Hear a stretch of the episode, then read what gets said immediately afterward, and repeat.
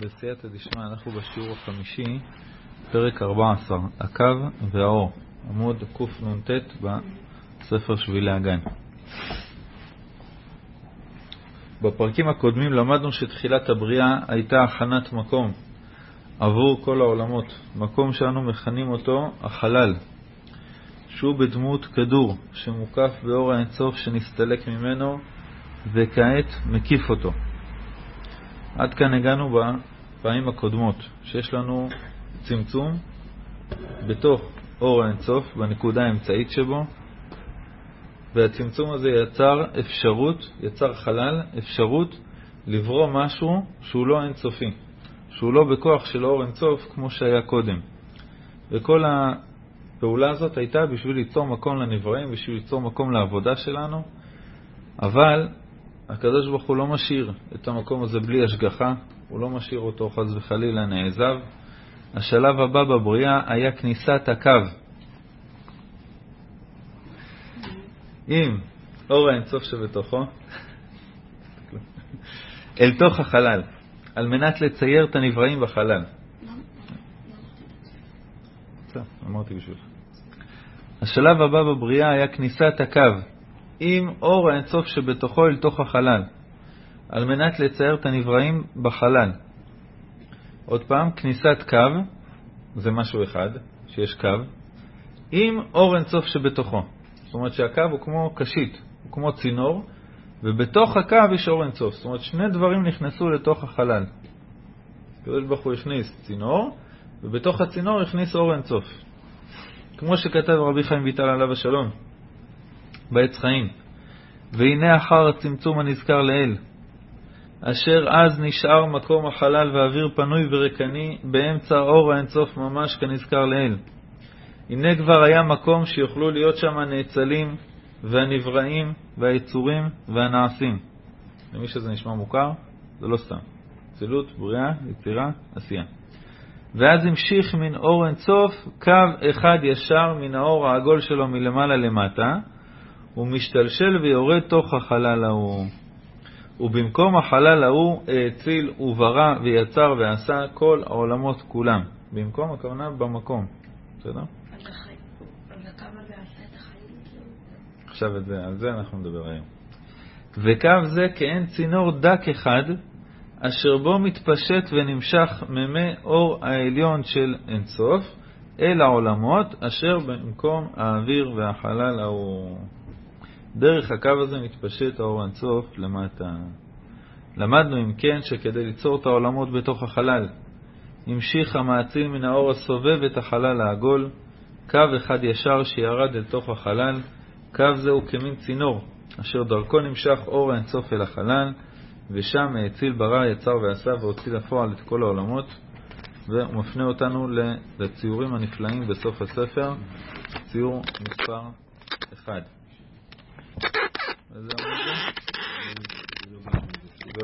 זה לא בעמוד, נכון.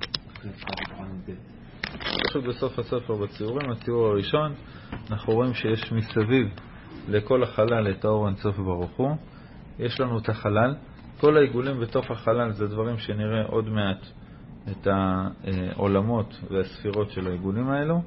ונכנס קו אחד מאור האינסוף ברוך הוא מבחוץ, ויש את ראש הקו, נכנס צינור לתוך החלל, ובתוך הצינור נכנס אור אין סוף, נכון? יהודה, דף אחד קודם, ציור מספר אחת, קודם. כן. אז יש לנו קו שנכנס לבפנים. ברגע שיש לך עיגול, אז אין התחלה, אין סוף, אין אמצע. כל מקום שתחזיק את הכדור, זה יהיה למעלה. ואם תהפוך את הכדור הזה למטה, יהיה למעלה, כמו כדור הארץ. ברגע שיש קו, מתחילים להסתדר דברים. איפה שהקו נכנס, יש לנו למעלה, ויש לנו עכשיו מצד ימין, ויש לנו צד שמאל, ויש לנו אמצע, ויש לנו יותר רחוק, ויותר קרוב, ויותר למעלה, ויותר למטה. עכשיו מתחילה להיות איזו נקודת התייחסות שאני יכול לדבר על אה, דברים שקורים בתוך החלל הזה. בסדר? זה אחד הדברים שיצר הקו. עכשיו הוא מתחיל להסביר לנו למה האריזל, הרבי חיים ויטל, שכתב את המילים של האריזל, השתמש בכל מיני מילים מדויקות. אה, קו אחד ישר, מלמעלה למטה, משתלשל, צינור, דק. עכשיו נתחיל להסביר כל מילה ומילה, להבין בדיוק מה זה הצינור הזה. עכשיו, תסתכלו בציור שלוש, שהסתכלת קודם יהודה. בציור שלוש זה טיפה כאילו להבין את ההמשך. כל מה שנדבר, כל מה שנדבר בערך בכל תורת הקבלה, זה דברים שמתרחשים בקו הזה. בסדר? אז בהתחלה מבינים שנכנס... רגע. בהתחלה שנכנס הקו, אז אנחנו קוראים לו קו, קוראים לו צינור, קצת מאור אינסוף. אבל האמת, האמת, כל תורת הקבלה זה הקו הזה. בסדר? ממש 90 ומשהו אחוז זה תהליכים ושלבים והשתלשלות שקורים בתוך הקו הזה, ועל הקו הזה אנחנו נדבר רוב הזמן. רק מה, אנחנו ניכנס אליו לבפנוכו ונבין בדיוק את השלבים ואת התהליכים שיש בתוך. זה שאלות פרטיות שאנחנו נבין אותן בהמשך יהודה. מדוע, דף קס למעלה, מדוע נכנס האור דווקא דרך צינור? ממשיך הרב ומבאר שמוכרח היה שיימשך האור דרך צינור דווקא. מה זה הצינור הזה? הוא המלבוש המצמצם אותו. ואילו נכנס ללא צינור, היה חוזר האור וממלא את החלל ומחזירו לכמות שהיה קודם הצמצום. אבל כעת שהוא נכנס באמצעות הצינור, שזה הקו, נמצא שהכל מגיע במידה קצובה אל הנבראים ולא מעבר למידתם. שאם לא כן, זה המילים של הרב באוצרות חיים ואחרי זה בעץ חיים, שאם לא כן יחזור הדבר לכמות שהיה, ויחזור ויתחבר האור הזה שבתוך החלל עם אור האינסוף יחד כבראשונה. על כן לא נתפשט האור הזה ברוחב אל תוך החלל. כלומר שהקדוש ברוך הוא לא עשה נקב, לא עשה חור, ושפך אור אינסוף, אז מה עשינו? מה עשינו בצמצום? הכל היה מיותר. אלא רק דרך קו אחד בלבד. כי הוא מוכרח שהארת אינסוף בנאצלים תהיה דרך קו ההוא לבד. כי אם היה האור נמשך להם דרך גם מכל סביבותיהם, היו הנאצלים מבחינת המאציל עצמו, בלתי גבול ובקצבה. ולא עוד אלא אפילו גם הקו ההוא, לא רק שזה לא אה, אור אינסוף שמתפשט בתוך החלל אל הקו, גם הקו הזה הוא קו דק מאוד, ולא בהתרחבות גדול. כדי שיהיה האור הנמשך אל הנאצלים במידה וקצבה. אשר לסיבה זו נקרא הנאצלים עשר מידות ועשר ספירות. מידה, ספירה, זה דבר שנספר, שנמדד, לאורות שיש להם מידה וקצבה ומספר קצוב, מה שאין כן באינסוף. בסדר? עכשיו יש לנו מה להתחיל לדבר. במשל, אנחנו יודעים שזה עיגול, שבתוכו היה צמצום. ואנחנו מבינים, כן, בנקודה האמצעית שבו, והבנו בשיעורים הקודמים שזה משל, שאין באמת עיגול, ואין באמת קו, ואין אה, נקודה אמצעית שבאור אינסוף. הכל זה משל בשביל להסביר לנו את הדברים. וראינו גם פה בשבילי הגן, וגם ברמח"ל, וגם בעוד מקובלים בשיעורים הקודמים, מה הנמשל של כל דבר שאנחנו מדברים עליו. גם הקו הזה זה נמשל לפעולה שהקדוש ברוך הוא עושה בנו. בסדר? אם למשל אני שולח את הילד שלי בפעם הראשונה ל... לעלות על אוטובוס מבית הספר, ואני רוצה לראות שהוא מסתדר, אז אני אומר לו, יש תחנת אוטובוס ליד בית הספר שלך, ובשעה אחת וחצי מגיע קו 53, ואתה עומד בצד הזה של הכביש, ואתה עולה לאוטובוס ונותן את הרב-קו, ומחכה שתגיע התחנה הזאת והזאת, ושם אתה יורד, יכול לשאול את הנהג, יכול לשאול את הנוסעים והכל. אתה לא תיתן לו בפעם הראשונה לנסוע לבד. למה? יכול להיות שהוא ימשיך עם הנהג עד התחנה הסופית בקריית ספר, והוא יחליף לקו 9 ויגיע לירושלים, ושבת שלום. ולך תדע איפה הוא עכשיו. אז בפעמים הראשונות אתה עומד מרחוק ואתה מסתכל. זה נקרא שעשית לו בעצם חלל, התרחקת, הורדת ממנו את השליטה שלך ואת ההשגחה שלך, אבל לא השארת אותו לבד. השארת קו של הבתה, השארת בעצם איזה מקום שבו אתה משגיח לראות שהעד אתה נוסע אחרי האוטובוס, ואתה רואה שהוא יורד בתחנה המתאימה, ואתה רואה שהכל בסדר. אז הקדוש ברוך הוא עשה חלל, אבל לא עזב אותו. לא שם שעון מעורר 6,000 שנה, עוד 6,000 שנה, נראה מה קרה פה עם כל האבולוציה והבלגן, נראה מה יצא מכל העסק. הקדוש ברוך הוא תמיד, בכל רגע ורגע, משגיח, ולא רק משגיח, גם פועל בתוך הבריאה. זה הקו הזה. בסדר? ואנחנו נראה את כל הדברים האלה ברמח"ל, שהקדוש ברוך הוא חס וחלילה לא עזב את העולם אה, למקרה הזמן והלך, אלא מביט ומשגיח ופועל ויוצר, והכל דרך הקו הזה שנכנס לתוך העיגול.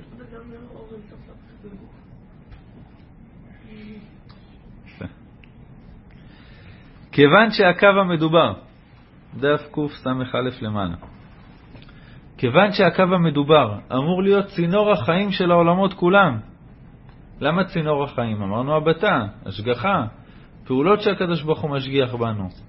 למה הוא קורא לזה צינור החיים?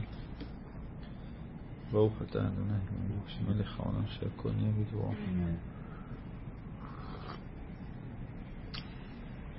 מחכה לתשובה. למה צינור החיים? יש הרבה פעמים הקבלה בין העיגולים לבין הטבע, נכון? ובין ה... רחוק מדי מהתשובה שציפיתי. בשיעורים הקודמים הבאים זה יהיה נכון. מה זה צינור החיים?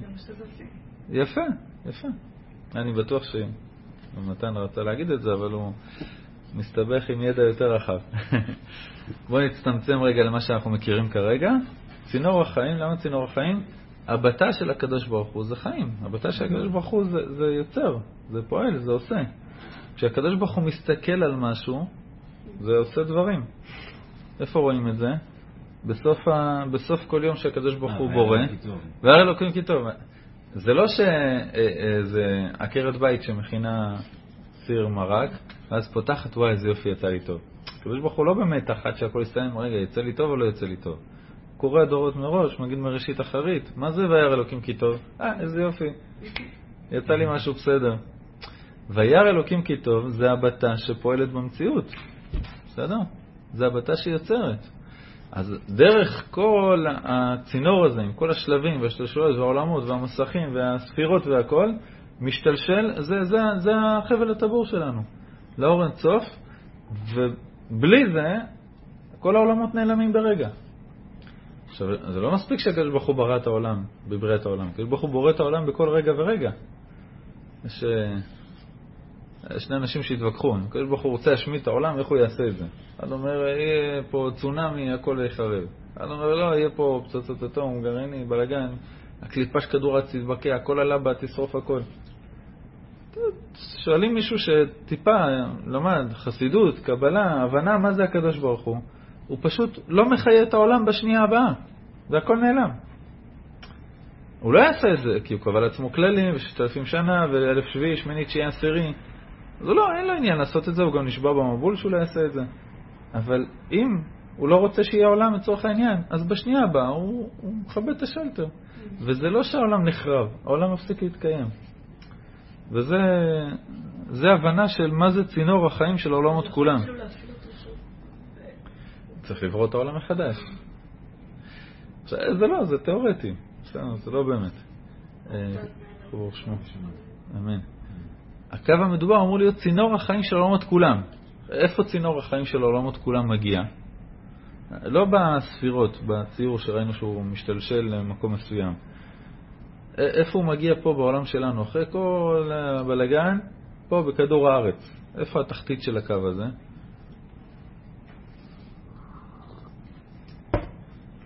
אולי, נגיד בעולם ה... הייתי שאולי גם בעולם הדומם יש איזה סוג של חיים, אבל כאילו ב... מבחינה גיאוגרפית של אה, אה, נ"צ. לאן אני הולך בשביל למצוא את התחתית של הקו הזה?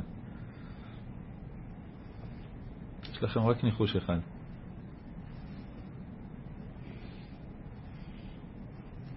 לבין השתייה, בית המקדש, אורו של עולם, טבורו של עולם.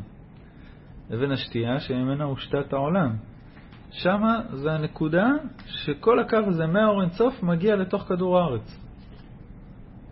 זה, זה הר הבית, זה הגדולה של הר הבית, בלי קשר אם יש בית מקדש או אין בית מקדש. זה, זה, זה מקום שהוא מחיה את העולם, את הבור של החיים של העולם, 24-7, כל הששת אלפים שנה, ולא משנה מה קורה על ההר הזה. מבחינה רוחנית, השפע הזה שמה מגיע ומתפזר לכל העולם. ראינו את זה אצל שלמה המלך, נכון? שלמה המלך רצה שיהיה לו עץ פפאיה. עץ פפאיה יש לו שפע של חיים שגדל בדרך כלל באפריקה. Mm. אז הוא חיפש את שביל. השביל שיוצא מבית המקדש, שזה השפע שמחיה את הפפאיה באפריקה, ובדרך, בגן שלו, תקע שם עץ פפאיה וצמח מעולה. בטח שיצמח מעולה. הוא יושב על הצינור נפט הראשי. וזה הבנה מה זה, מה זה הר הבית, מה זה ירושלים, מה זה ארץ ישראל. הבנה אחרת לגמרי. היינו פעם אחת בקבלת שבת, ב... זוכר איך קוראים לבית הזה עם הדגל הגדול. אה, בעיר דוד. ב... לא בעיר דוד, למעלה. אה, יש מלון שבע קשתות, אז אה, אה, בשכונה על יד. אוקיי. בית עם דגל ענק שם על הגג. אז בקומה העליונה יש אה, קיר שלם עם וילון, ומתפללים שם, ואז לך דודי, ב-. אה, פותחים את הווילון ואתה רואה את כל הר הבית מתחתיך, וכשאתה מבין שכל הקו הזה, מהאין סוף עד לכדור הארץ, הכל מסתיים פה מול העיניים שלך, אתה, אתה בוכה, פשוט בוכה. אין, אין לך... זה לא, זה לא נתפס. בדיוק? בקודש הקודשים. עכשיו, מה שניצב עכשיו מעל זה... לא? כן, כיפת הזהב שם עם אח שלו. ובטח שהמקום הזה יהיה חשוב להם. כן. אין, אין מקום יותר חשוב בעולם. למרות שבקוראן אין לזה שום חשיבות מבחינת הערבים, הכותל זה המקום שמוחמד קשר את הסוס שלו אל מובארק בשביל לעלות לשמיים, כל מיני חרטוטים כאלה ואחרים. אין, אין חשיבות אה, לירושלים, לבית המקדש, להר הבית באסלאם. אז מה אתם נתקעים לנו שם? מה אתם יושבים לנו שם כמו עצם בגרון? זו עוד שאלה למה אנחנו נותנים לזה לקרות. זו עוד שאלה מחפירה של חילול השם, אבל למה הם נתפסים? איפה עוד יש לנו להיות בעולם? אפשר לראות שמבחינה אינטואיטיבית רואים את זה בעוד כמה מקומות בארץ ישראל, שהרבה פעמים עובדי עבודה זרה ומוסלמים ונוצרים, הם נכון. עושים את המקומות שבהם קדושה. המקום. זה כאילו יפה, כאילו אתה רואה שיש. מקום של שרפת אפר פרה אדומה, יש שם כנסייה. בדיוק במקום הזה. כן, ועוד מלא דוגמאות. אנחנו מזהים הרבה. פעמים מקומות קדושים. זה דיברנו בשבת, שיעור לפני מנחה, נכון? כשעצר הרע קופץ, צועק, משתולל, מפעיל את כל הפעמונים, תודה רבה, לא ידעתי שיש לי פה אוצר. עכשיו בזכותך אני יודע. מה פתאום קפצת אחר הצהריים לנסות לשגע אותי? על זה צריך להגיד תודה, בדיוק. חייב אדם לברך על הרע. ולמדנו את זה באור החיים הקדוש בדיוק השבת. כיוון שהקו המדובר אמור להיות צינור החיים של העולמות כולם, בגשמיות וברוחניות. לא סתם המנורה בבית המקדש, כשהייתה עובדת כמו שצריך, זה השפע של חוכמה בכל העולם. והשולחן זה שפע של פרנסה וחיים בכל העולם, שולחן לחם הפנים. ו- וכל אביזר בבית המקדש, גם מה שהכהנים היו לובשים. כהן גדול, העבודה בבית המקדש, כל אבן ואבן שם, הכל זה קשור לשפע החיים של כל העולם כולו. ניתוב השפע נגיד. ממש, ממש. זה לבכות כמה... אנחנו חיים, הסיבה היחידה שאנחנו חיים כשבית המקדש נחרב, זה שברוחניות הוא עדיין בנוי. ככה הרמ"א כותב. אז בגשמיות הכל מתפזר והשפע נופל לגויים ובלגן שלם, אז זה עד שנבנה אותו גם בגשמיות הכל יסתדר. אבל אני חושב שכל בעיה שיש לנו בעולם כרגע, של איכות, אה, של יוקר המחיה ושל דיור ושל פשע ושל מחלות, הכל זה כי, כי הלב שלך אה, מעוות לחלוטין שם. תקעו לך מלא שטויות בתוך הלב שם, וצריך להחזיר את הלב של העולם, להחזיר אותו לקדמותו. זה מה שהחז"ל כותבים, שאם הגויים היו יודעים מה בית המקדש טוב להם, היו מעמידים שורות שורות של גיונות מסביב שלא ייחרב.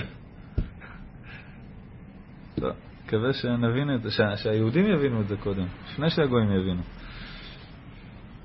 אז זה, איך רואים שזה הלב של העולם? ביתי בתפילה יקרא לכל העמים. גם שלמה המלך אומר כשהוא בתפילה שהוא בנה את בית המקדש, שזה מקום שכל הגויים אמורים לעלות אליו. אז הקו הזה הוא צינור החיים של העולמות כולם, והואיל והעולמות שונים זה מזה בדרגת רוחניותם וזכותם, אם זה קו אחד שיורד מהאור אינסוף, ויש בתוכו אור אינסוף, אני לא נכנס לדקויות של אה, מה, מה שיש פה בהערה 2. בסדר, מי שרוצה אחרי זה שיקרא, אבל יש כל מיני דקויות של שאפשר ללמוד בעיון מה זה הקו הזה, ואיזה אור יצא, ואיזה אור נכנס וחזר וכו'. אבל הקו הזה זה צינור החיים, והוא נכנס לתוך החלל, אז איך יש לי הדרגה? איך יש לי אצילות, בריאה, יצירה, עשייה? זה קו אור אינסוף שנכנס לבפנים, כל מלמעלה עד למטה אמור להיות אור אינסוף. איך פה זה אצילות, פה זה בריאה, פה זה יצירה, פה זה עשייה, פה זה כתר, פה זה חוכמה. איך אני מחלק מדרגות בתוך הקו?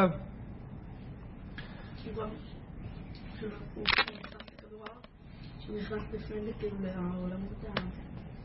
כן, הכוונה שהכל מגיע עד אבן השתייה של כדור הארץ, זה הכוונה שהוא יורד דרך כל העולמות הרוחניים, עד לתחתית של כל העולמות הרוחניים, שאז יש גם עולם גשמי, שזה העולם שלנו, ובעולם הגשמי הוא מגיע עד לאבן השתייה. אז כולם אמורים לקבל מאותו קו. לכן יצר המאציל מדרג לאורכו של הקו. מה זה מדרג? מי שיושב ליד המכל של המים, אז יש לו לחץ מאוד רציני בצינור. מי ש-20 קילומטר משם, יש לו טפטוף בברז. למה? כי בדרך יש מלא ברזים, וזה מתרחק, והלחץ יורד, ובדואים תקעו ברזים בדרך, ובלאגן שלם. בסדר? אז יש מדרג לאורכו של הקו. העולמות שמקבלים מראש הקו יקבלו אור שדרגתו גבוהה יותר ממה שיקבלו העולמות המקבלים מתחתית הקו. למה זה, למה זה מצויר בתור קו? כי יש את ההתחלה של הקו ויש את הסוף של הקו. יש קרוב לאור אינסוף ויש רחוק מהאור אינסוף. ואז בעצם ככה תרצו מדרג. והאמת שאנחנו נראה את זה בהמשך, ככה פועל כל אור. אני לא יכול לקרוא אצילות לאור הזה ובריאה לאור הזה, אם שניהם זה אורות שיצאו מהאור אינסוף. שניהם זה אור. אז למה לא אתה קורא אצילות ולא בריאה? כי הוא יצא יותר קרוב, אז יותר זך, פחות מסכים, פחות רחוק, והוא יצא יותר רחוק, אז אני קורא לו שם פחות. גם את זה נקרא עוד שנייה, שהוא גם הולך ונהיה יותר צר, יפה מאוד. זה, זה דברים שפועלים אותו דבר אצלנו בנשמה. הנשמה ממלאת את כל הגוף מלמעלה עד למטה, למרות שהמשכן שלה בנקודה מסוימת, בכל אופן היא שולחת אורות לכל הגוף. למה האור שיוצא מהעיניים אני קורא לו ספירה מסוימת, והאור שיוצא מהפה אני קורא לו ספירה מסוימת, ואורות שיוצאים מהנקבוביות של האור בכל הגוף, אני מוריד אותם מאוד מאוד בדרגה. הרי בפנים זה אותו אור. בפנים הכל אותו דבר. השאלה מאיפה זה יוצא, מאיזה מסך זה מתגלה, כמה רחוק זה יורד. וככה, לפי זה אני קורא שמות שונים לאותו אור, לפי הריחוק שלו ולפי המסכים שהוא צריך לעבור. בסדר? אז הסלקציה הראשונה זה כמה אתה קרוב לאור אינסוף. מה שיותר קרוב, אצילות. אחרי זה, בריאה וכו'. על מנת ליצור מדרג, יש צורך לדאוג לכך שלקו שנכנס לחלל יהיה ראש וסוף. כי אם אני רוצה משהו יותר קרוב, משהו יותר רחוק, אז מה שיותר קרוב צריך להיות יותר קרוב לראש, ראש הקו. ראשו יהיה המדרגה הגבוהה יותר מבחינה רוחנית, ובסופו המדרגה הנמוכה ביותר. משום כך קבע המאציל שהקו יימשך מראש העיגול, החלל, אך לא יגיע אל תחתיתו של העיגול. נכון? ראינו בציור, הוא לא מגיע לקצה השני. ונמצא שהראש הוא הקצה בו נוגע הקו באינסוף הסובב, והסוף הוא הצד השני של הקו, שאינו נוגע באינסוף מצד למטה, והוא הנקודה הרחוקה ביותר מהקצה הנוגע באינסוף. בסדר? אז לא ניגע עכשיו עד איפה הוא מגיע הקו, איפה הוא נעצר, אבל הוא לא מגיע לצד השני. מה היה קורה אם הקו היה מגיע לצד השני? הכל היה מתבטל. כן. פתאום יש לי שתי ראש Mm. ושתי סוף, ובלאגן. כשמתקדמים יותר בלימוד של הקבלה, רואים שיש גם בקו הזה כרגע. יש אור ישר ואור חוזר, ויש דברים ש- שמשתנים עם הראש וסוף, וגם זה מדויק. כאילו, אז יש בקלח ובעוד כמה מקומות אה, גם קושייה וגם הסבר איך בדיוק מסתכלים על הקו הזה, בסדר? אה, אם תיקח, אני לא, לא כדאי שניכנס לזה, אבל זה מה שהזוהר הקדוש קורא לזה גיל, גלדי בצלים. כשאתה מסתכל על בצל ואתה חותך אותו בשתי צורות, חותך אותו מלמעלה למטה או מימין לשמאל, אתה רואה אה, קו ועיגולים ויש שם אה, צורה יפה להסתכל על זה, אבל נשאר כרגע ככה בפשטות. אילו היה הקו מגיע לקצה השני של החלל ומתחבר שם אל האינסוף, אז היו לו שני ראשים שווים, ששניהם קרובים באותה מידה אל האינסוף, ולא היה בו ראש או סוף. ומעתה שיש לקו ראש וסוף, נמצא שיש בו גם מדרגות לכל אורכו, וכל מדרגה שבו הקרובה יותר לראשו, נחשבת עליונה יותר מהמדרגות שאחריה. והוא מביא לנו פה קטע מהעץ חיים, אמנם בהיות כי הקו ההוא ראשו נוגע באור אינסוף מצד העליון, וסופו אינו נמשך למטה עד מקום אור האינסוף הסובב תחת העולמות, ואינו דבוק בו, לכן אז יצדק פה ראש וסוף. כי אם דרך שני הקצוות היה מקבל שפע אינסוף, אם היה מגיע עד הצד השני ומשני הקצוות היה נכנס החשמל הזה, היו שני הקצוות בחינת ראשים שווים זה לזה, ולא היה בחינת מה למטה, ולא היה ימין ושמאל, ולא היה רחוק וקרוב, ולא היה שום דבר, ולא היה לנו מה לעשות. נמצא שכעת יש בקו מדרג, וכל ספירה עולם המחובר לראש הקו, ויונק שפע מראש הקו או סמוך לו, אז הוא עליון וזך יותר, בגלל שהוא יונק ממקום גבוה בצינור. וכל היונק מסוף הקו או סמוך לו ייקרא בשם נמוך ושפל יותר, למרות שהכל זה אותו אור שיוצא מאור האינסוף. אבל מה? אבל אה, יש מקומות שמתחילים להיות גם כוחות אומה.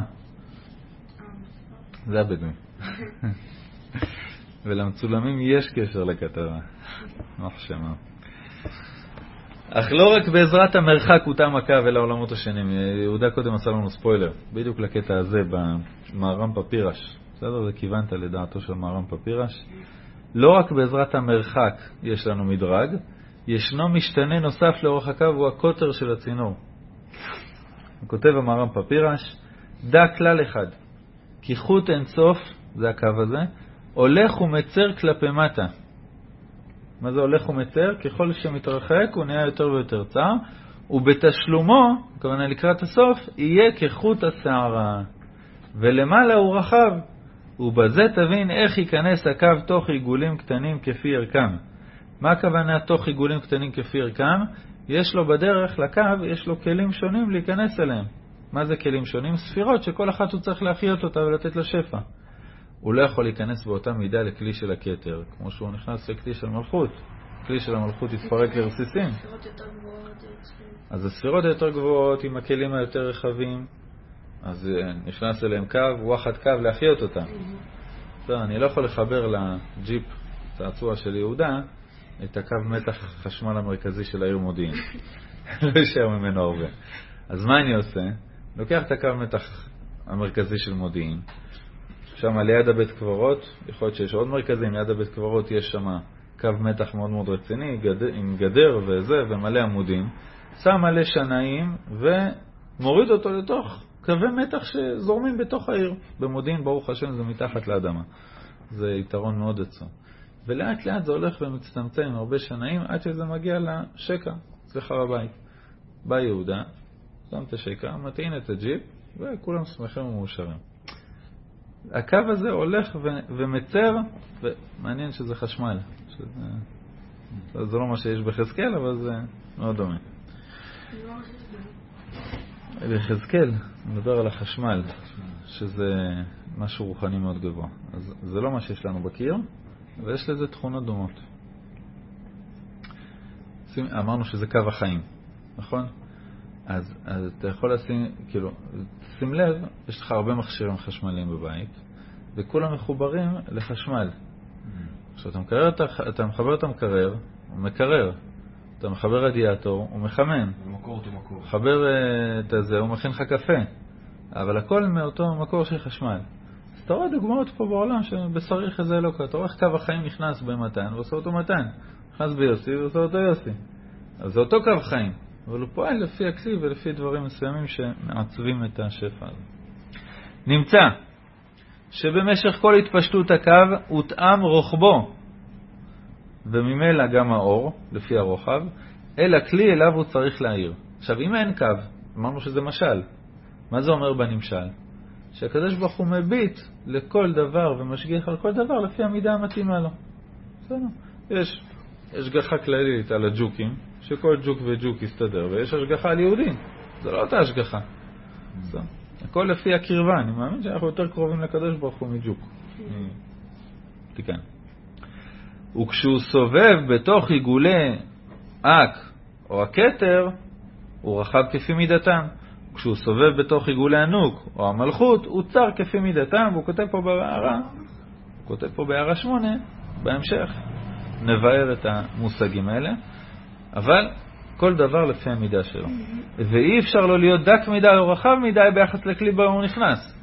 כי אם הוא דק מדי, לכלי הזה לא יהיה מספיק חיים. אם הוא רחב מדי, הכלי הזה יתפרק לרסיסים, אני לא מסוגל להכיל את האור. הכל מדויק. שהקו הזה, מביא פה גם את ההמשך מהמהר"ם פפירש, הקו הזה יש בו כוח להשפיע לכל עולם ועולם שפע ראוי לו. דהיינו לאצילות, אור בפני עצמו, לבריאה, אור בפני עצמו, ליצירה, אור בפני עצמו, לעשייה, אור בפני עצמו, ולא לכולם משפיע הקו מין אחד של אור, כי אם כן, במה יובדלו זה מזה. כמה שפע שיש לך, זה גם התקציב והכוח והמוחין של הנשמה, וכל דבר ודבר שמשפיע על התפקוד שלך, ומקבל כל דבר לפי המידה שלו. כותב רבי חיים ויטל גם, שלא רק שהקו הזה הוא מדויק ולא מתמלא כל החלל, ולא רק שהוא מתחיל אה, מגבוה ולאט לאט יורד, ולא רק שהוא הולך ונהיה צר, יש עוד התאמה. מה ההתאמה? והנה בהיות אור האינסוף נמשך בבחינת קו ישר בתוך החלל הנ"ל, לא נמשך ונתפשט תכף עד למטה. אמנם היה מתפשט לאט לאט. והרב סלמן אליהו... עכשיו אנחנו נסביר את זה. הרב סלמן אליהו בספרו כרם שלמה, מי זה הרב סלמן אליהו? אבא שלי...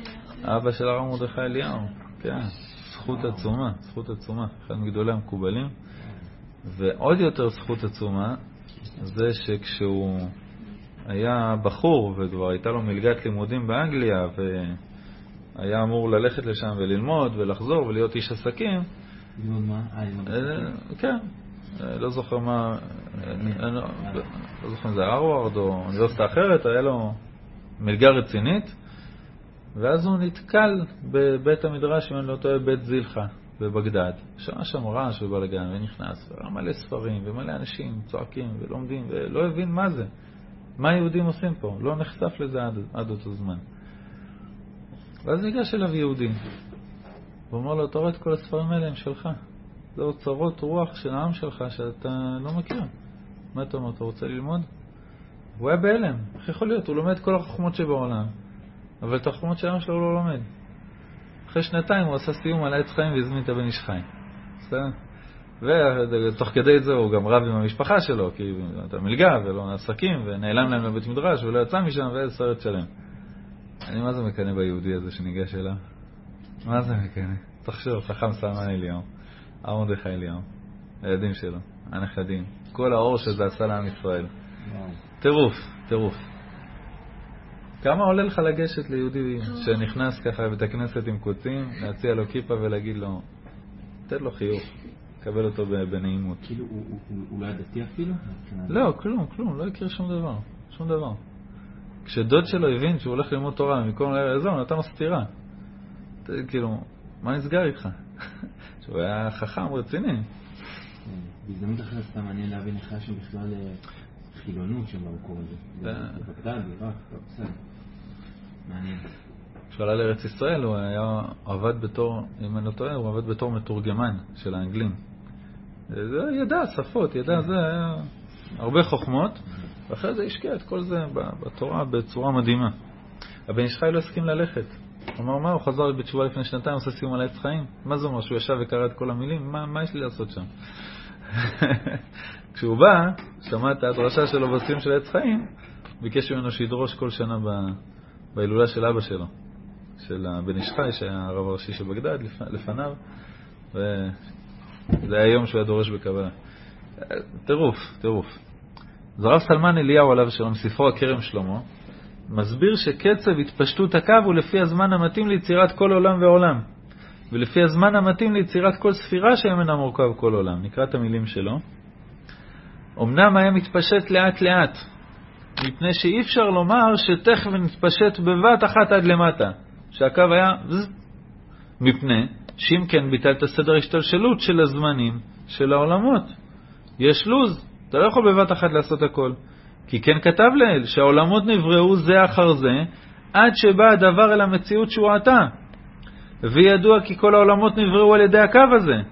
ולכן נמשך לאט לאט הקו הזה, כדי שיבררו העולמות זה אחר זה, לאט לאט, ולא כולם בבת אחת ובזמן אחד.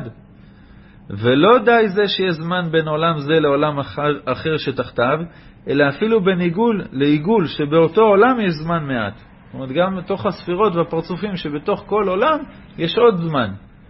והמדרגות של הזמנים שנוצרו בתוך בריאת העולם, אז יש, זה דברים שאנחנו יכולים לקרוא להם בשם. כמה זמן זה לקח, ומאותו רגע יש כבר זמן, והקדוש ברוך הוא פועל לפי הדרגות של הזמן. ורואים בקלח ובעוד מקומות שיש לו"ז מאוד מאוד מסודר. מעתה נבין את כוונת הארי באומרו שעיקר דיבוק המאציל בנאצל הוא על ידי זה הקו. עכשיו זה גם למעלה.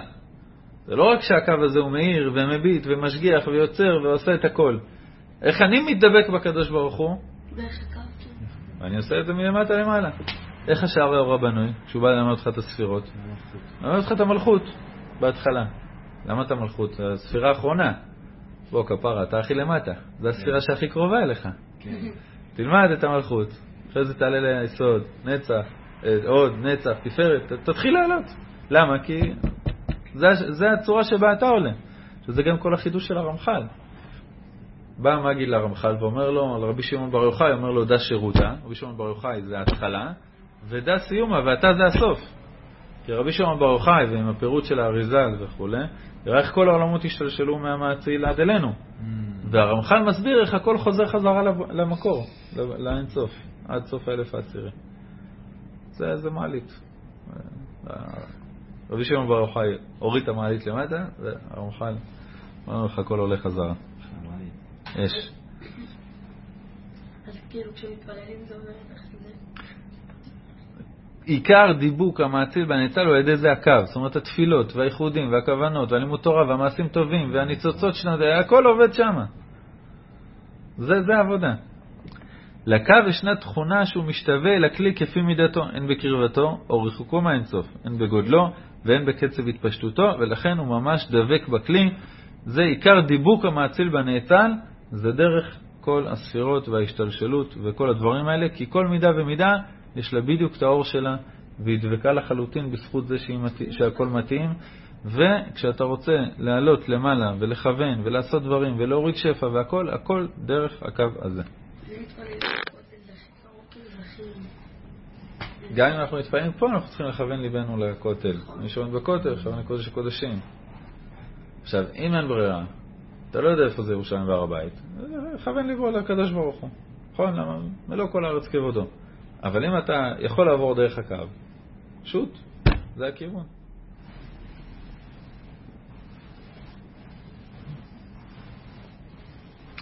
הצינור הוא בחינת צלם. אמרנו שיש צינור שבתוכו זורם השפע של האור אינסוף, נכון? מה זה הצינור הזה? אז יש פה הסבר מאוד מאוד יפה. הזכרנו שהקו הוא כמין מלבוש לאור שבתוכו. למעשה הקו הוא כמין ממצע בין האור שבתוכו, שהוא אור אינסוף, לבין הספירות שהם הכלים שלתוכם הוא מאיר. מה זה ממצע?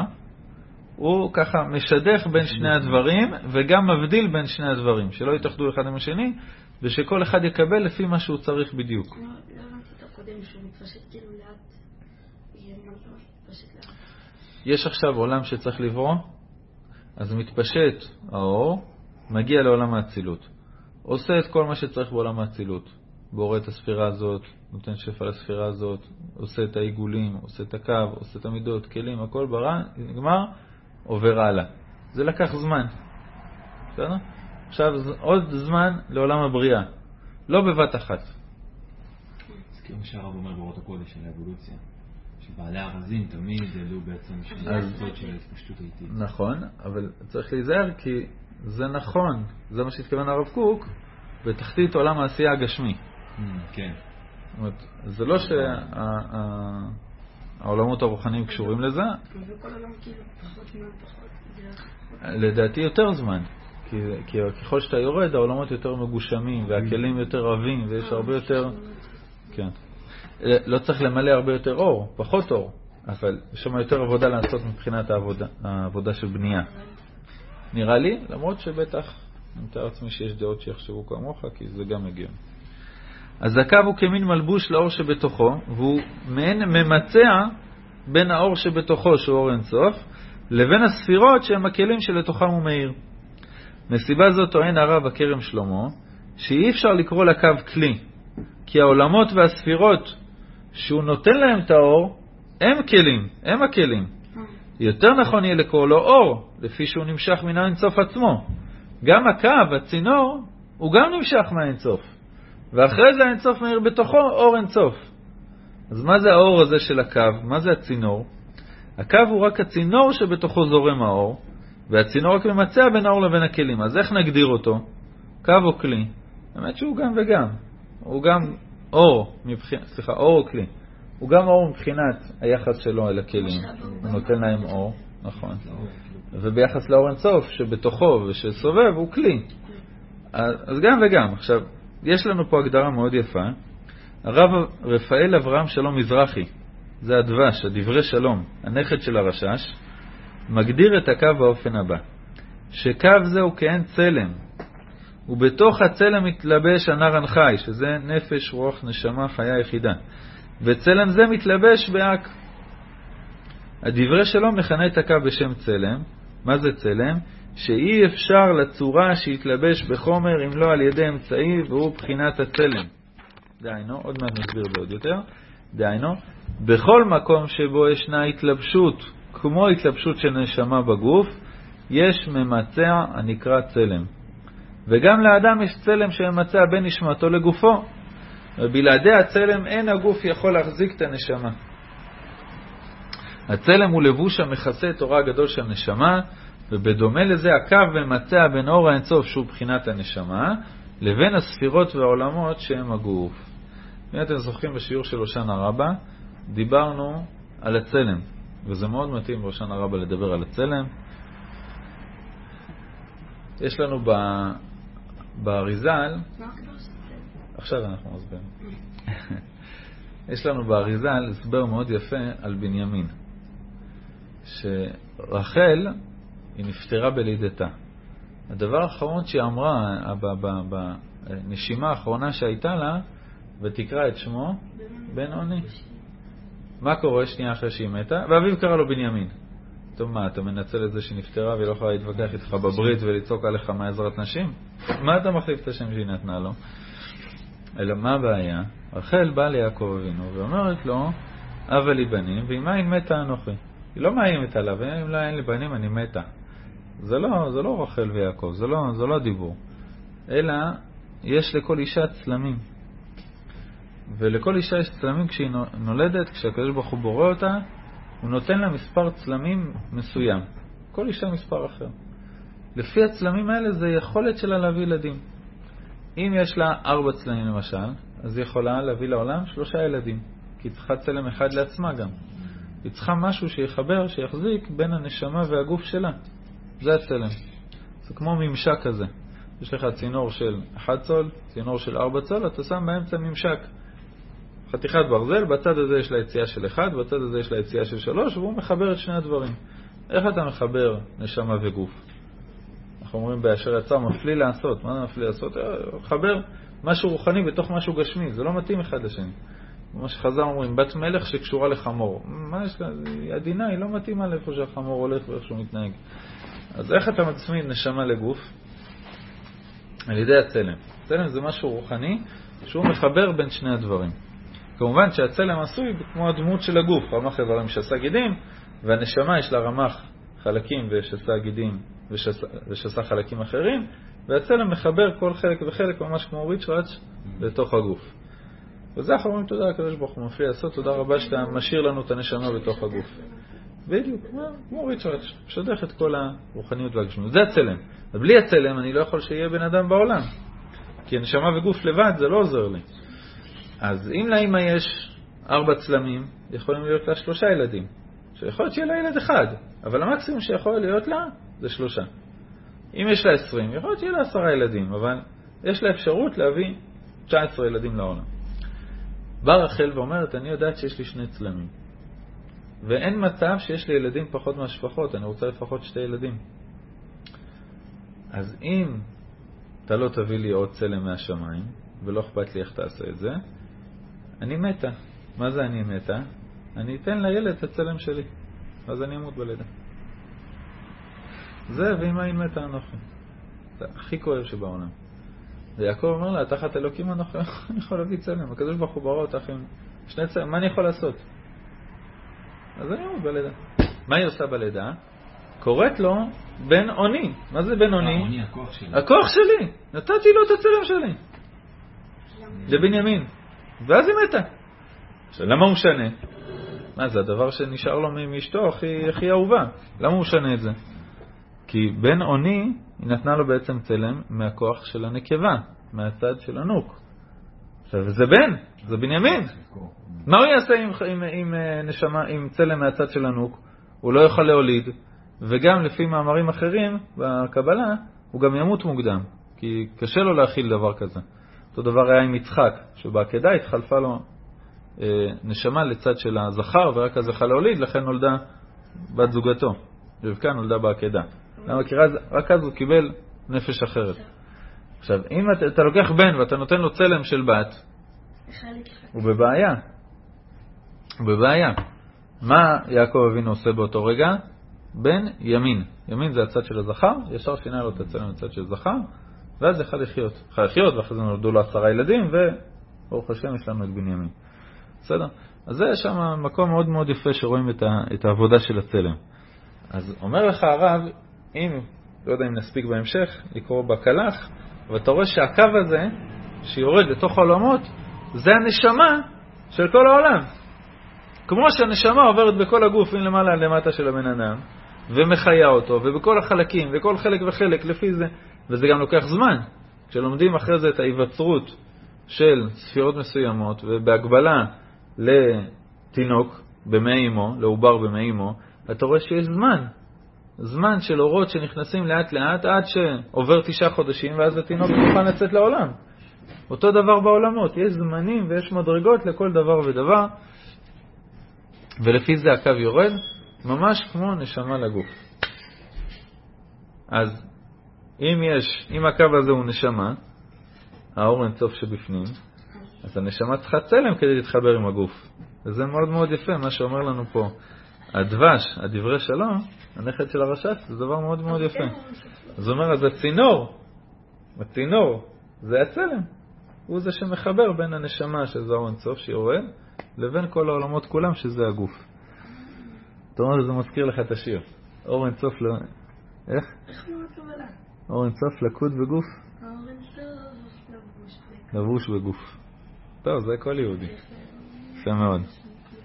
יפה מאוד. הוא ספרדי, חנן בן ארי. כן.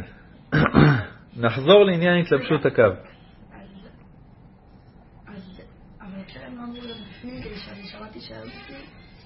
כן הצינור, לא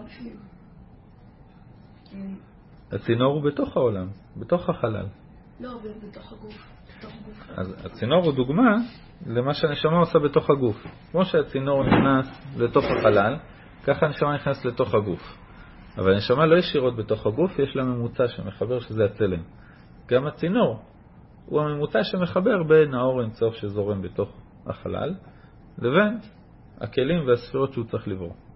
משל מאוד יפה. אז כשמישהו נפטר, אז... אה, מישהו נפטר ונסו הצללים. זה הצלמים שיש לו, שהולכים 30 יום לפני הפטירה. נכון, יש סיפור בזוהר הקדוש רבי יצחק, והיה עצוב, רבי אלעזר, בן של רבי שמעון בר יוחאי, שואל אותו למה אתה עצוב? אז הוא אמר לו, ראיתי שהצלם שלי הסתלק, זאת אומרת שיש לי פה חודש בעולם. ויש לי בן שקטן ורציתי לגדל אותו, ו... סיבה טובה להיות עצוב סך הכל. אז הוא אמר לו, בוא, בוא לאבא. בוא. אבא יסדר אותך. הכניס לך לטיפול עשרת אלפים, רבי שמעון בר יוחאי. אז הם נכנסו שניהם לבית מדרש, רבי שמעון בר יוחאי רואה שיש אה, מלאך המוות מרקד על ידו, אז הוא אמר לרבי אלעזר, תקיף את הבית מדרש בחומה של אש ותגזור שמי שרגיל להיכנס לפה כל יום שייכנס, מי שלא רגיל שיישאר בחוץ. אז הסטרא אחא, היצר מלאך המוות נשאר בחוץ, והוא אמר לרבי יצחק, שב על ידי, אל תדאג, אתה איתי. איך אפשר להגיד דבר כזה? זה, אם אתה לא מחיים מתים, אז אני לא יודע איך אפשר לעשות דבר כזה. והוא נשאר איתו, נשאר בחיים עוד עשרים ומשהו שנה, כמו שאני זוכר, עד שרבי שמעון בר יוחאי נפטר. ביום שהוא נפטר, הוא אומר, תקרא לרבי יצחק, שיצווה לביתו, עולה איתי למעלה. אפשר לעשות דבר כזה.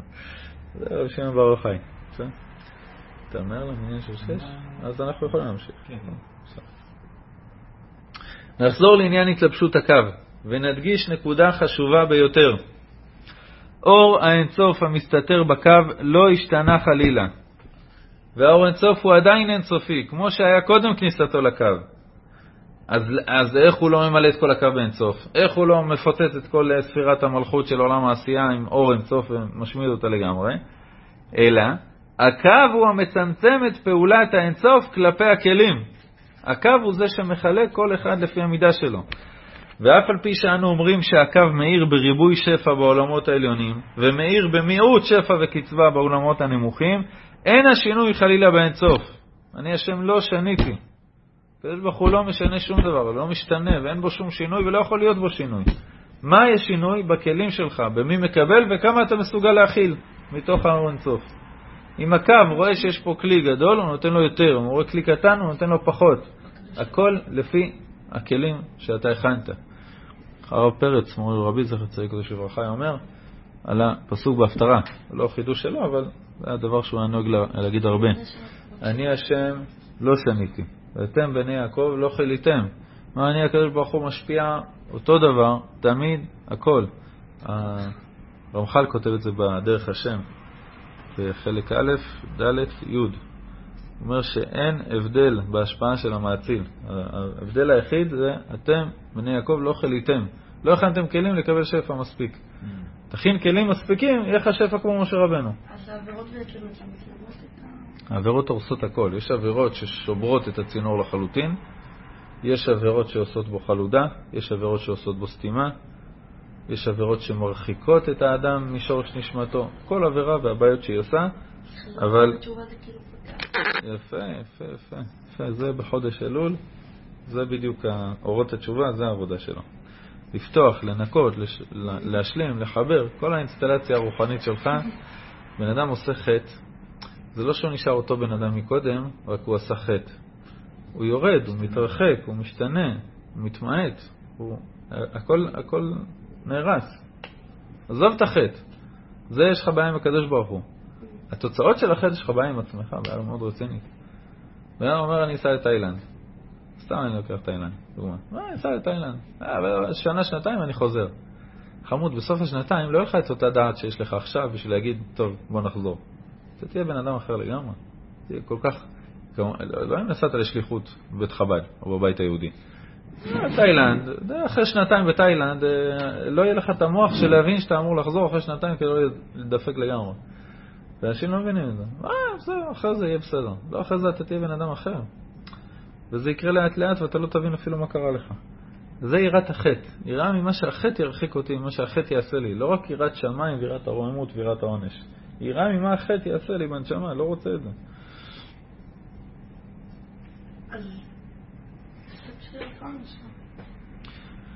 זה, זה חלק מהעונש, אבל זה יראה אחרת. זה לא יראה מהעונש שאני אחטוף, זה יראה ממה שהחטא יעשה לי בנשמה ומה שירחיק אותי מקום מחצבתי. האור הקדוש בפרשה אומר, ואתה, ואתה תצווה בני ישראל וכו', אה, ואתה אקרב אליך. מה זה ואתה אקרב אליך? את אהרון אחיך.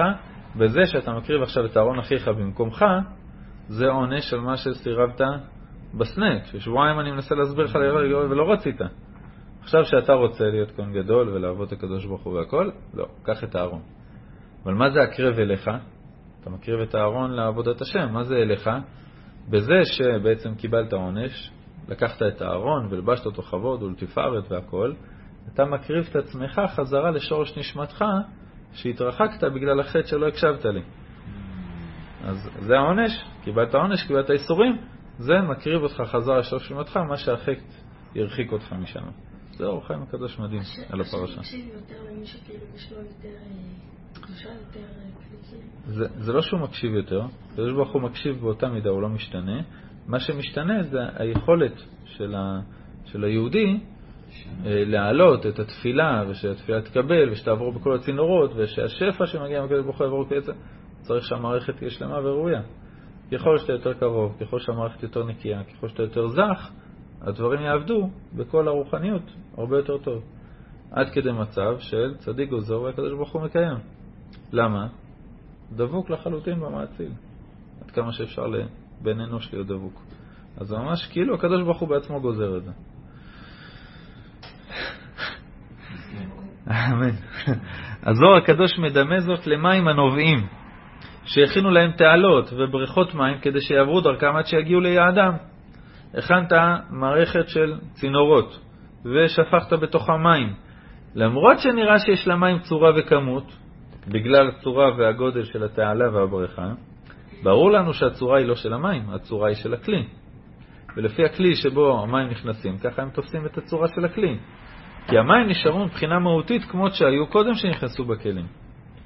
בסדר, הכנתי כוס ואני עומד בגשם. יהיה לי כוס של מי גשם. אבל עבדתי חצי שנה והכנתי בחצר או במקווה מאגר ענק, ודיפנתי אותו עם בטון ועשיתי תעלות והכל, ואז יורד גשם, יש לי פה מאגר של מי גשמים ענק. במה זה תלוי בגשם? הגשם יורד אותו דבר. הדבר היחיד שהשתנה זה מה אתה עשית, מה אתה עבדת. זה הפשט של עבודת המידות. המידות של הכלים, שבמקום כלי של שתי סנטימטר, זה כלי של שתי מטר. Mm. זה עבודת המידות. ככל שבן אדם יותר זך, עם מידות יותר טובות, יותר נקיות, יכול לקבל יותר אור. פה יש קטע בזוהר הקדוש, בגלל הזמן, בהרעיה ממנה פרשת בו, אנחנו נקרא את התרגום, ואומר הזוהר הקדוש, כמו הים, שאין מים היוצאים ממנו תפיסה או צורה, אין להם תפיסה או צורה, אלא כשמתפשטים על כלי, גומה, תעלה, בריכה, אז נעשה דמיון ויכולים להגדיר שם חשבון ומידה. אז הים זה מקור המים, ונמשך ממנו מעיין שממלא כלי עגול, שזה איזה שקע באדמה, אחר כך חפרו חפירה גדולה, עגולה, סביב אותו הכלי, ממנו חפרו שבעה נחלים, ואם ישבור האומן את הכלים שתיקן, יחזרו המים למקור וישארו הכלים שבורים יבשים בלי מים, וזה מה שאומר אליהו הנביא בפתח אליהו, אנטו סתימה על כל סתימין, אתה סתום חוסם מכל דבר אחר, לפי שהוא מסתדר, מתלבש ומתעלם בתוך כולם, ומלגב יהיו י' כו' כדיור או חצילות, יהיו שקיו דאילנה בדרוי ואמפוי, כמאיה דאשקה לאילנה ויתרבה באו שקיו, האור אינסוף משקה וזורם בתוך כל הכלים והאורות והספירות, ובתוך כל הנשמות, בתוך כל הבריאה, זורם אור אינסוף. כמה אתה תוכל להכיל מתוך האור אינסוף הזה? זה לפי הכלים שנמצאים באותו מקום. אם זה כלי של הספירה הזאת, או אם זה נשמה של יהודי, או אם זה תיקן. כל אחד ואחד לפי אה, הכמות שהוא יכול להכיל את השם הוויה. בהחלט. אם אתה תיקן, לא. אם אתה יהודי, זה, זה, זה העבודה שבשבילה באת לעולם. עבודת המידות והרחבה של הקדושה והנשמה וכו'. הרמח"ל כותב בספר הכללים, תראו בקס"ה למטה, הרמח"ל כותב בספר הכללים שהאינסוף ממשיך לפעול גם אחר האצלת הכלים בכל עוצמתו האינסופית. זה מפחיד, משפט כזה. למטה, קס"ה למטה. Okay. אוקיי. האינסוף ממשיך לפעול גם אחרי הצלת הכלים בכל עוצמתו האינסופית. זה לא נתפס. אז איך העולם הזה לא מתאייד ומתעיין לחלקיקים ונגמר הסיפור? הקו מביא את הפעולות אלינו באופן קצוב כפי שאנחנו יכולים לקבל. זאת אומרת, אם לא היה את הצלם, אם לא היה את הצינור, אם לא היה את הקו שמסביב לאור אינסוף, על ההיסטור. בסדר? בלשון של הרמח"ל, הקו שיורד האור מאינסוף ברוך הוא בחלל, שהוא כן צינור דק, שהאור יורד בו, זה צינור, ובתוכו יש אור שיורד מהמאציל הנאצל, ובו מתדבקים המאציל והנאצל, וכי כל הפעולות הוא יתברך שמו פועלם לפי שלמותו. ואין אנו יודעים הדרך איך הוא עושה את הפעולה ההיא. אבל הוא גזר השיעור שבו יגיעו הפעולות אצלנו, והוא עושה אותם בדרך הבלתי מושג כלל, ומגיעות לנו באותם הגבולים ששם לזהם. פה, רגע, רגע, מחילה, פה הרמח"ל אומר דבר מדהים. אומר, הקדוש ברוך הוא פועל פעולות לפי שלמותו. אתה רואה ומשיג וקורא לך ומבין פעולה חלקית. כשהקדוש ברוך הוא פועל שיקרה לך משהו בחיים, הפעולה הזאת היא שלמה בתכלית השלמות. יש לה יעד של להביא את העולם לשלמות. אצלך זה יכול להיראות כדוח של משטרה, או כזכייה בלוטו, או סתם יום מסוים שהתעוררת בבוקר. אבל הקדוש ברוך הוא פעל בשיא שלמותו, והפעולה הזאת היא שלמה, והפעולה הזאת תקרב את העולם לקראת היעד הסופי, שזה שלמות מוחלטת. הקדוש ברוך הוא פועל בצורה שלמה. אתה מקבל את זה לפי המושגים שלך, ולפי המושגים שלך, אתה לפעמים לא תראה את זה שזה פעולה שלמה. איך זה שהשוטר עכשיו נתן לי דוח, הביא את העולם לידי שלמותו. ההפך, זה מביא אותי לשנוא את המשטרה ואת השוטרים ולהתעצבן על עצמי למה החזקתי את הפלאפון בנסיעה. אני לא רואה פה שלמות. הקדוש ברוך הוא פועל פעולה שלמה. אנחנו לא יודעים, אנחנו לא רואים, רק לקראת סוף הבריאה אנחנו נבין איך מלכותו בכל משלה, כותב הרמח"ל, מההתחלה אנחנו נבין. שמההתחלה מלכותו בכל משלה, שכל מה שקרה לנו קודם גם היה שלמות. ואיך כל הגלגלי שיניים שכל העולם, כל הגלגל מסתובב, הכל להביא מהראשית עד האחרית את הכל לשלמות, הכל היה מדויק, הכל היה שלם. כל הפאזלים היה במקום. אתה לא ראית. או הדורות מראש. ובשנייה שיפול לנו האסימון, זה מטורף. זה שיפול האסימון, איך מלכותו בכל משלה, זה, זה יהיה פסיכי, זה יהיה נקודה מטורפת. זה מה שהמדרש כותב על אני יוסף. שפתאום כשהוא אמר יוסף, בום, הכל נפל, הכל הסתדר. כל מה שקרה להם, וואלה. זו התשובה היחידה שהייתה יכולה לענות על כל מה שקרה לנו עד עכשיו, בכל השנים האחרונות. והמדרש כותב, חכה תראה מה יקרה כשהקדוש ברוך הוא יגיד אני השם. ואז תבין איך מלכותו בכל משל מתחילה. זה ראש השנה. זה עבודה של היומיים של ראש השנה, זה הכוונה להמליך את הקדוש ברוך הוא. שמעכשיו אני מכריז, כל מה שקורה לי זה שלמות, וזה מהקדוש ברוך הוא, וזה מאור אינסוף, וזה מדויק, והוא פועל את זה בצורה הכי טובה שיש. זה ראש השנה, זה לקבל מלכותו יתברך. זה לא קשור לחטאים, לעוונות, לכלום. המלאכה של הקדוש ברוך הוא על כל, כל הבריאה, ובעיקר, הכי הכי קשה, על עצמך. שכל מה שקורה לי זה מאיתו יתברך. זה, זה, זה ראש השנה. לכל אחד יש צלם והכינור הוא בעצם גם צלם, וכשהולך צלם אחרי 30 יום... אז, כאילו, אז יש דרגות בתוך הצלם. בסדר? כשנגיע יותר ל... בשיעורים יותר מתקדמים, נראה שצלם זה, זה האות צדיק, שזה ספירות מסוימות, האות ל' שזה ספירות מסוימות, האות מ' שזה ספירות מסוימות, נראה שזה דרגות. זה לא חתיכה אחת קטנה, זה מורכב מהרבה הרבה דברים, ויש לזה שלבים. נעשו הצללים, זה חודש לפני זה, ויש את היום של הפטירה, ויש את המוות עצמו, שלבים והדרגות. יש לנו עוד זמן, 120. ונמצא שהוא יתברך שמו ברוממות שלמותו עושה הכל. אך הגזרה שגזר להיות פעולתו מגעת רק בדרך שמגעת, הוא השביל הקטן שבו הוא נעשה קו אחד לבד. פה הרמח"ל מגלה לך את הנמשל בעצם. מה זה קו קטן שנכנס לתוך חלל מצומצם, דק, משתלשל, יורד לאט לאט עם זמנים? זה ההבנה שלך בפעולה האינסופית. הקדוש ברוך הוא פועל אינסוף, פועל שלמות, פועל כל רגע את הדברים הכי מדויקים והכי נכונים. אתה משיג רק חלק קטן מתוך כל פעולתו יתברך, מתוך כל ההבטה האלוקית על כל הדברים.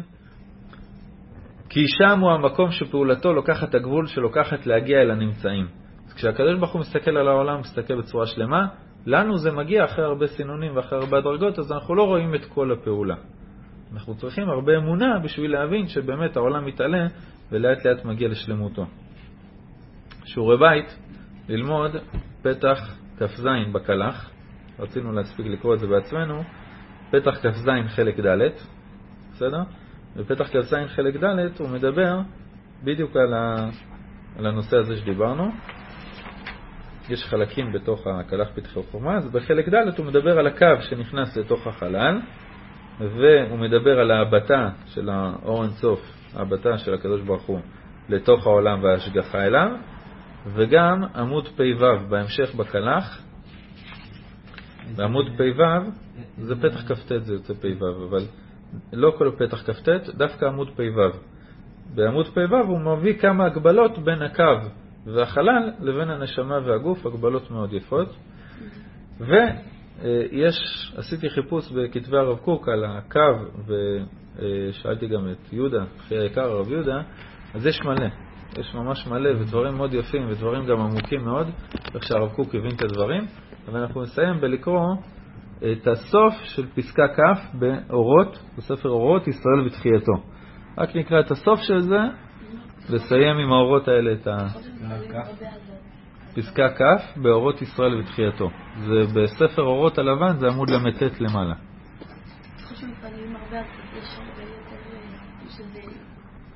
כן, כן. זה כתוב במפורש על התפילה של משה רבנו. להתפלל והתפלל והתפלל והתפלל, שכל העולמות כבר אה, נחרדו לעשות את התפילה הזאת. זה נכון. יש מדרש, יש מדרש שאומר שההבדל בין צדיקים לבין כאלה שהם לא צדיקים, זה שבן אדם שהוא פחות צדיק הוא מתפלל פעם אחת. בן אדם שהוא צדיק, מתפלל, מתפלל, מתפלל, מתפלל, מתפלל, מתפלל, מתפלל, לא עוזב את הקדוש ברוך הוא. טוב. אז נקרא את הסוף של הפסקה הזאת באורות, ככה לקבל את האור של הרב קוק. הקו הולך ישר, אחד באחד מוגש עם הציפייה שממה לכל הציפיות, הסרת המוות ומערתו. זה בסופו של דבר הקו הוא זה שמביא את העולם לידי התכלית, שזה קשור בהחלט בבילה אה, מוות לנצח. בראשית הצעדים, אותו המוות המעשי שידי האדם יוצרות אותו באיוולת ורשעה. זה החטא של האדם הראשון. ואחרי המסילה הישרה היא להעמיד את הכל על עומק רום הטוב. רוח חתומה יבואה מן הארץ ובילה מוות לנצח. הוא נותן פה הרב את ההתחלה ואת הסוף של הקו בתוך העולם הגשמי. לא מראשית עולם האצילות, ההתחלה והסוף של הקו מבחינת החטא של האדם הראשון, בתחילת הבריאה, עד הסוף של התיקון, שזה בילה מוות לנצח. בעצם אנחנו מתקנים את החטא של האדם הראשון, לא צריך למות. אם תדמה לנו הדרך דרך רחוקה, אל ניבהל, רק היא קרובה. רק האחיזה באותו הקו הארוך מגבירה את הכל ומכשירת את הכל. אני חושב, לפי ההבנה שלי ברב, כן, כן, מתאים, לחלוטין מתאים. נראה לי להסביר את זה לפי ההבנה שלי ברב, הבנה מאוד מאוד נמוכה, אבל נראה לי שאתה לא צריך לעבור את כל הקו מההתחלה עד הסוף. מספיק לגעת בקו, אתה כבר קשור לכל הקו כולו. הרב פרץ היה אומר את זה, אומר יש מסוק, גבוה בשמיים. איך אני אגיע אליו? הוא אומר, מהמסוק יורד חבל. ואתה קטן למטה בגובה של מטר וחצי, מחזיק את החבל. זה מה שאתה צריך לעשות. מאותו רגע איפה שהמסוק ייסע, אתה איתו ביחד. בסדר? אז האחיזה באותו הקו הארוך מגבירה את הכל ומכשירת את הכל. בעצם אמונה בזה שהקדוש ברוך הוא מביא את כל העולם לידי טוב, וההבנה שאנחנו על מסילה, ואנחנו בדרך, ואנחנו נקודה, ב... אנחנו אחת הנקודות במסילה הזאת, נכון? אנחנו אחת הנקודות במסילה שבין חטא אדם הראשון לבין בילה המוות לנצח, אז אנחנו בסדר, אנחנו, על ה... אנחנו במקום הנכון. גם אם מלך זה דרך רחוקה. האמת שהאחיזה בתור קו, זה אומר שאתה מגיע לנקודה של האינסוף. ואז אין זמן. אין ארוך, אין קצר, אין, אתה, אתה, אתה בדיוק איפה שאתה צריך להיות. ברכת הענווה תשוב אלינו, גודל העליון ממעל ומתחת תפרוס עלינו את הודו ואת סוכת שלמה. עכשיו לדעתי, לא בדקתי בדיוק אחד אחד כל מילה, אבל לדעתי הוא עובר פה את כל הספירות. כל המאורות, כל הניגודים לברכות ולעזרים התהפכו. כל הרוחות אשר בלאומים וכל הנטיות הדתיות אשר נחשבו לזעבה, אשר אמרו, אמרו לכו נכחידי מגוי ולא זכר שם ישראל עוד, הם עצמם אל מקורם ישובו. יבושו ואחרי כן ינהרו. זאת אומרת, קודם כל ישובו, אחרי זה יתביישו על מה שהם עשו ואחרי זה יקבלו אור. האחדות הישראלית בכללותה וההתעלות של גרעיני החיים שבה, הרוממות של קשר כל תורה, ההגה העמוק של דורשי רשומות של חכמי חידות, חוכמת החיים של ידי בינה, אדם הרותח של בני הנעורים רוויי רגש ושירה ליזה ועמק רוח של צופי קודש, דקות פנימית של שווה פשע וגבורת רם של שמחי חיים, יצרי כל לב, מערכי רוחות של כל בשר. בעצם כל הבריאה כולה, עם כל מה שקורה פה, הכל יאגדו באגד הקו העליון, ששם אור קודש קודשים. ובתוך הפעולות הפעוטות אור משיח יזרח ונהרת תחיית עולמים ומחיית המוות תיסול מסילתה ויעבור מלכם לפניהם והשם בראשם. בעצם הכל מתחבר לקו הזה, מלמעלה עד למטה ביצירה ובהבטה ובחיות של כל הבריאה, אבל גם מצידנו, בהחזרה של כל העולם כולו אל הטוב, זה בדיוק נקודות בקו, וזה העבודה של הקו, שהתעלות של כל העולמות חזרה אל המעציל, בהתחלה ברמה הגשמית, כל העולם יהיה טוב, יהיה מוסרי, כולם ידעו אותי למגדלם ועד קטנה, ואחרי זה גם ברוחניות, האלף השביעי, שמיני, תשיעי ועשירי, גם ברוחניות, גם אני לא הבנתי מה הרב קוק אומר, אני אומר את זה להקלטה בפירוש. לקחנו מפה את הרוח של הדברים, שזה הדברים שלמדנו בשיעור הזה, שיש קו שמכיל את הכל מההתחלה ועד הסוף, גם מבחינת החיות של הבריאה, גם מבחינת העלייה חזרה והדבקות במעציר, וגם מבחינת הזמן. אמרנו שבקו הזה מתחיל לחלק את המדרגות של הזמן. מבחינת הזמן אנחנו על ציר של הזמן, במקום הכי מדויק, להחזיר את העולם לשלמות. אבל אה, מה זה היה עם משהו? אנחנו לא נמצאים על הקו מההתחלה ועד הסוף. אנחנו לא חיים פה ששת אלפים שנה. אנחנו גם לא צריכים. מספיק שתחזיק בקו, מספיק שתעשה את התפקיד שלך בנקודה שבה השם שם אותך בעולם, ואתה חלק מהקו הזה. אתה חלק מהחזרה של כל הבריאה למעציל והחזרה של כל הרע אל הטוב. אז אם אתה עושה את התפקיד שלך בעולם? אז אתה אוחז בקו, ואתה חלק מקו אחד גדול שהוא עושה את כל הפעולות, וזה מספיק. לה- להחזיק בחבל של המסוק. זה התפקיד שלנו. מבחינת כל הששת אלפים שנה ושש מאות אלף נשמות וכל ההתנוצצות שלהם, מה שאני עושה, אה, קטן, 120 שנה עם החלקיק של הנשמה שלי, זה אחיזה קטנה בקו. אז זה מספיק.